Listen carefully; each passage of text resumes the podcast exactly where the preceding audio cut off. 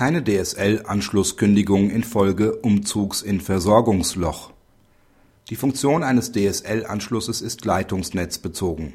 Zieht der Mieter um, trägt er das Versorgungsrisiko. In einem dem BGH vorliegenden Verfahren schließt ein Mieter einen Vertrag über einen DSL-Anschluss unter Zurverfügungstellung verschiedener technischer Geräte für die Dauer von zwei Jahren. Nach neun Monaten kündigt er diesen, weil er umzieht und an seinem neuen Wohnort ein Empfang mangels Versorgungsnetzes nicht gegeben ist. Eine Kündigung scheidet nach Meinung des BGH jedoch aus, weil dafür kein wichtiger Grund gegeben ist. Denn die mangelnde Nutzbarkeit hat ihren Ursprung ausschließlich in der Risikosphäre des Nutzers.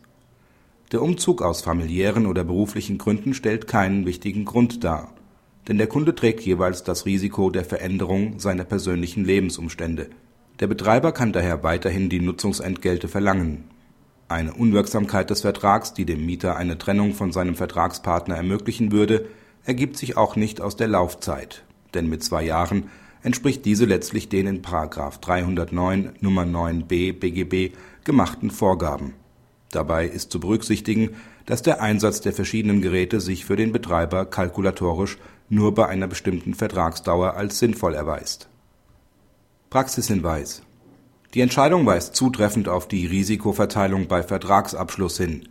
Der Grundsatz pacta sunt servanda muss, soweit nicht besondere Ausnahmefälle vorliegen, eingehalten werden. Die Geschäftsgrundlage für den Vertrag ist ebenfalls nicht entfallen, weil die Verantwortung für die geänderten Umstände beim Mieter liegen. Die Verlagerung eines bestimmten Lebensrisikos sieht das BGB jedenfalls nicht vor. Zudem weist der Senat darauf hin, dass die relativ geringen monatlichen Kosten auch keine Zwangssituation des Mieters begründen können